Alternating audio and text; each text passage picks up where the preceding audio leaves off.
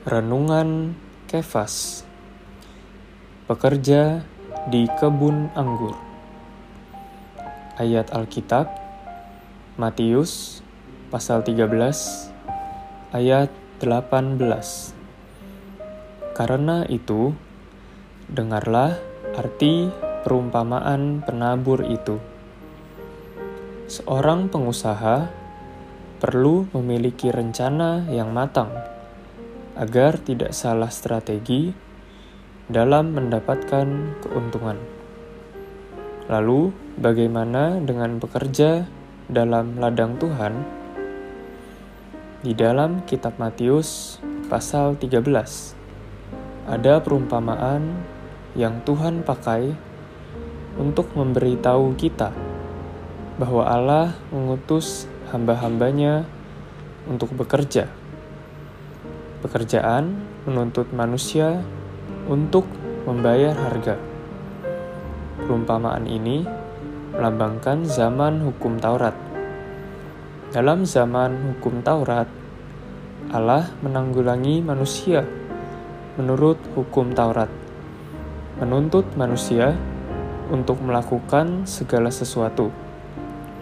Jika manusia ingin memuaskan tuntutan Allah, dengan perilaku dan kebenarannya sendiri, hasilnya adalah sia-sia dan kosong karena manusia tidak mampu melakukannya. Tentu, hal ini bukan karena hukum Taurat itu salah, melainkan karena kelemahan dan kejahatan manusia. Manusia tidak bisa melakukan sesuatu yang baik di bawah hukum Taurat, jika manusia berusaha untuk memenuhi tuntutan Allah, ia pasti gagal.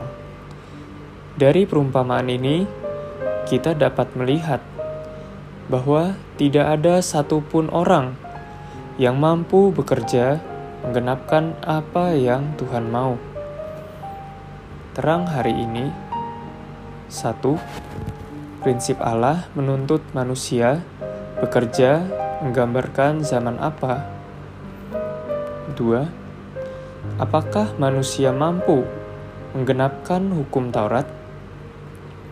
Beban doa satu, berdoa moga Tuhan membelas kasihani kita agar kita tidak jatuh ke dalam kesombongan dengan mampu mengerjakan banyak hal bagi Allah.